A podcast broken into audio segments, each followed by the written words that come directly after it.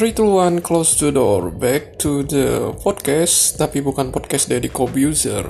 Yang kali ini gua ngerekamnya pada saat Cuaca-cuaca sedang hujan. Jadi kebanyakan di Pulau Jawa minggu ini Atau dua minggu ini cuacanya sedang tidak baik lah Gitu. Dan kali ini kita akan membahas sedikit berita di portal online seperti Line Today, Detik.com, dan lainnya. Yang pertama ada masalah uh, vaksin WHO ternyata belum bisa 100%.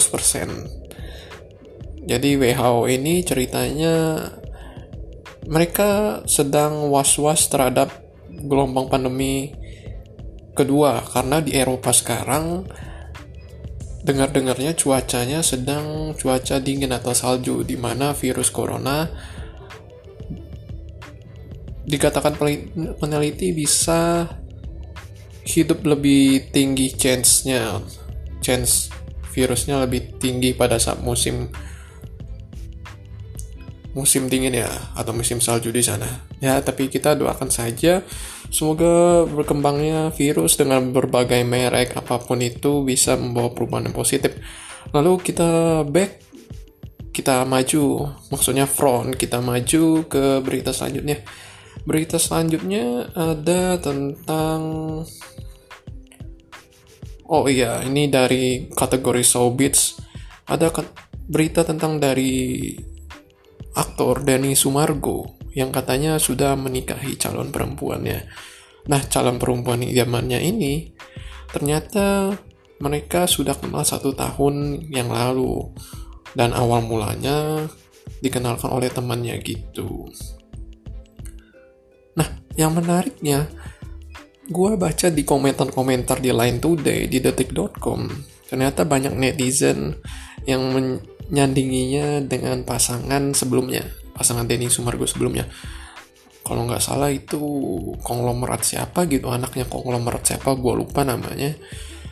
Tapi setelah gue lihat-lihat emang ini menurut opini gue ya emang lebih cocok ke yang pasangan kedua ini sih menurut gue karena ya sorry not to say dari segi fisikalnya kayaknya lebih oke okay yang ini gitu. Kayaknya yang sebelumnya itu kebanyakan make up sih.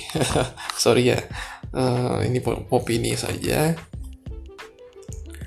Jadi dari cerita mereka berdua nah mereka ini menceritakan perjalanannya itu katanya lewat video YouTube di channel Denny Sumargo itu sendiri. Dan si pasangannya ini merupakan WNI keturunan Australia di mana ibunya orang Indonesia dan ayahnya orang Australia. Dan mereka dia berdua dua bersaudara anak paling bungsu dan mempunyai beberapa outlet atau dikatakan wirausahaan lah Nah, yang gue pengen komentarin, ternyata Denny Sumargo dengan tubuhnya yang atletis seperti itu dan suka rajin olahraga, ternyata bisa menemukan pasangan yang gue anggap ini memang cocok lah. Artinya di sana gue mengartikan bahwa Denny Sumargo ini memberikan impact positif kepada kita semua kaum laki-laki untuk lebih sehat berolahraga atau menjaga tubuh kita dengan baik. Nah, kalau lu pada lihat, Denny Sumargo dari zaman dulu itu sering olahraga basket karena dia atlet basket. Terus dia sering nge-gym, sering mengkonsumsi makanan-makanan sehat, menjaga pola makannya, tidur cukup, dan lain-lain. Nah, itulah yang coba gue terapkan pada tubuh gue di bisa dikatakan dari satu tahun setengah yang lalu dikatakan. Jadi semenjak satu tahun setengah yang lalu gue mencoba untuk berusaha menjaga kondisi tubuh gue fit dengan makan makanan yang sehat walaupun kadang-kadang ada makanan yang karena selera dari lidah gue melanggar pantangan itu. Nah konsumsi makanan yang sering dimakan para atlet atau uh, binaraga itu setahu gue yang pertama itu kandungan yang banyak. Protein. Jadi kalau lu sering makan ayam, daging, itu bagus, itu kandungannya banyak protein. Tetapi alangkah lebih baiknya jika daging segar itu diolah secara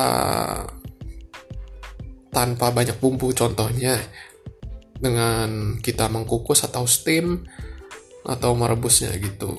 Nah itu protein yang didapatkan lebih banyak khasiatnya dikatakan para peneliti dan selain daging, kalian juga bisa makan protein non hewani seperti tempe, tahu, kacang-kacangan, polong-polong. Nah, itu banyak kandungan proteinnya. Dan satu lagi untuk sebagai pelengkap kita harus minum susu.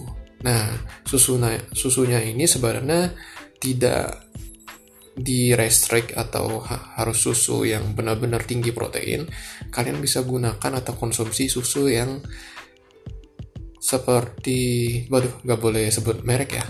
Pokoknya adalah yang dengar-dengarnya susu yang kotaknya kuning itu juga bisa membantu pertumbuhan metabolisme kita dengan baik gitu.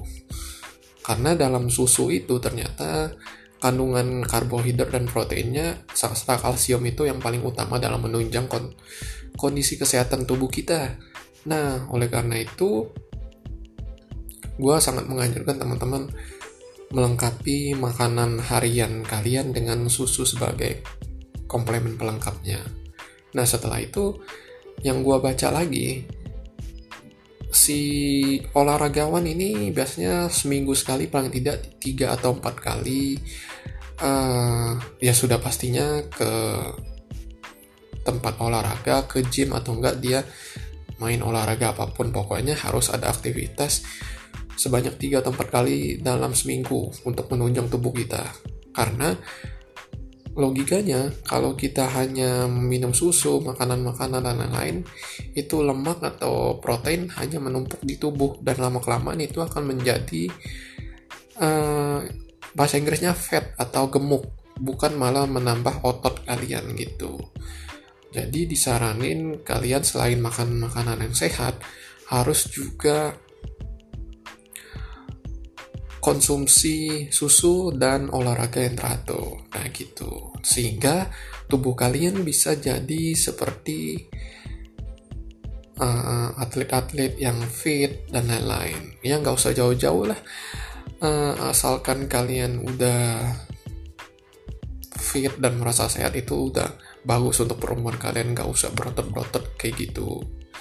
Dan balik lagi impactnya kalian bisa ketika kalian masih di umur muda di umur 20-30 tahunan kalian bisa mencari pasangan dengan lebih confidence percaya diri nah riset menunjukkan atau nggak nggak usah jauh-jauh dari riset deh kita lihat aja di lingkungan masyarakat kita. Kebanyakan pria yang percaya diri itu hampir bisa mendapatkan pasangannya. Walaupun semuanya tidak dipandang secara fisik. At least mereka percaya diri itu udah termasuk salah satu ilmu plus yang bakal dilihat oleh lawan jenis Anda atau lawan jenis kalian.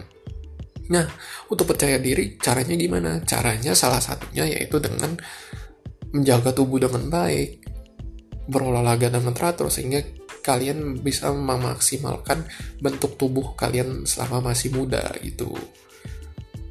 Nah, kalau untuk kalian yang berumur muda di umur produktif 20-30an itu sangat dianjurkan untuk berolahraga secara teratur gitu. Contohnya seperti Denny Sumargo, walaupun Denny Sumargo umurnya 30 tahun ke atas ya. Tapi itu masih masuk make sense lah untuk umur segitu gitu. Nah, berbicara tentang pasangan juga, kalian ini harus hati-hati. Kenapa? Nggak hanya perempuan atau laki-laki, karena terkadang kalian menemukan pasangan yang udah match banget nih tapi ternyata dianya punya keinginan atau sesuatu yang lain yang ingin diambil dari kita artinya dia tidak benar-benar pure uh, untuk menjadikan kita sebagai pendamping hidupnya. Contohnya kayak gitu. Nah ini sering terjadi di lingkungan circle pertemanan gua sendiri. Di mana ketika temen gua udah sayang banget nih sama lawan jenisnya tetapi karena suatu hal itu ketahuan bobroknya di situ di lawan jenisnya. Sehingga ujung-ujungnya ya bakal putus atau lain sebagainya gitu dan dia merasa menyesal. Nah artinya lu fisik aja nggak harus nggak menentukan lu dapat pasangan yang baik. Lu harus tahu cara uh, menganalisa attitude dari lawan jenis atau lawan berbicara kalian gitu dan itu juga yang gue praktikkan sekarang. Gue berusaha untuk memahami karakter dari setiap orang-orang yang berbeda-beda. Baik itu dari bertatap muka langsung maupun dari kita membaca buku. Lebih simpelnya kalau gue sendiri ketika kita berinteraksi pada orang atau maupun orang yang tidak kenal misalnya kita belanja makanan uh, kita at least sapalah sapalah penjualnya. Ataupun kalau nggak banyak orang di tempatnya kita bisa ngobrol ya basa-basi lah. Itu adalah kemampuan melatih sebagai bentuk salah satu bentuk kemampuan melatih skill komunikasi gitu ya. Dan dari situ nanti ketika pembicaranya mulai enak nah itu dapat chemistry. Nah itu contohnya ya. Nah dari situ juga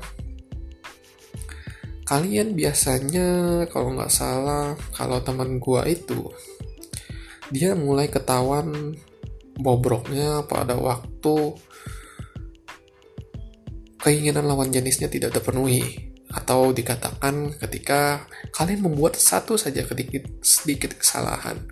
Nah, itu biasanya sering terjadi lah di teman-teman yang milenial atau sedang masa-masa mudanya ya konflik sekecil itu pasti sering terjadi. Gua pun mengalaminya tapi gua pun menanggapinya dengan emosi yang berusaha tidak meledak emosinya.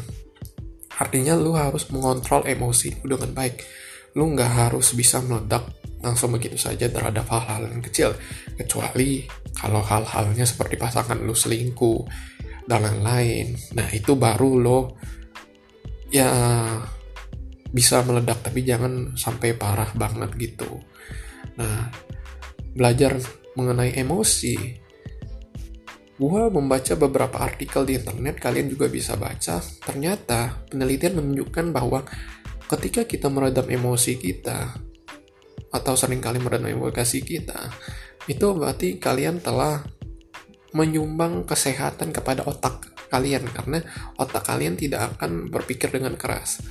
Nah, hubungannya apa sih berpikir dengan keras dengan emosi? Jadi, disebutkan ada beberapa hormon yang terpicu, kalau nggak salah, hormon stres hormon ketika Anda marah atau jengkel terhadap sesuatu. Nah, itu akan membebani kerja otak kita sendiri Nah bayangkan kalau lu kantoran, banyak tugas, terus lu dibebani itu, pasangan lu selingkuh, lu sangat kepikiran. Nah itu kan akan berganggu pada karir lu.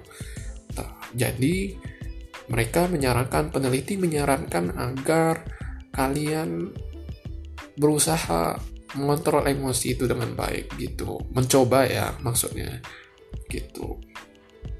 Nah, dengan kalian melatih emosi, kalian memahami karakter seseorang, dan kalian juga fisiknya bagus. Nah, itu at least tiga sehat lima sempurna lah. Ibarat katanya, tinggal embel-embel yang lain itu kalian bisa improvisasi dalam sebuah hubungan. Nah, itu pun yang coba lagi-lagi gue lakukan untuk berusaha mengubah diri gue menjadi orang yang menjadi lebih baik. Berusaha untuk mengerti lawan jenis dan lain-lain. Nah semoga di podcast kali ini uh, hasil dari temuan dan riset gue terhadap ilmu-ilmu psikologi dan olahraga bermanfaat pada kalian.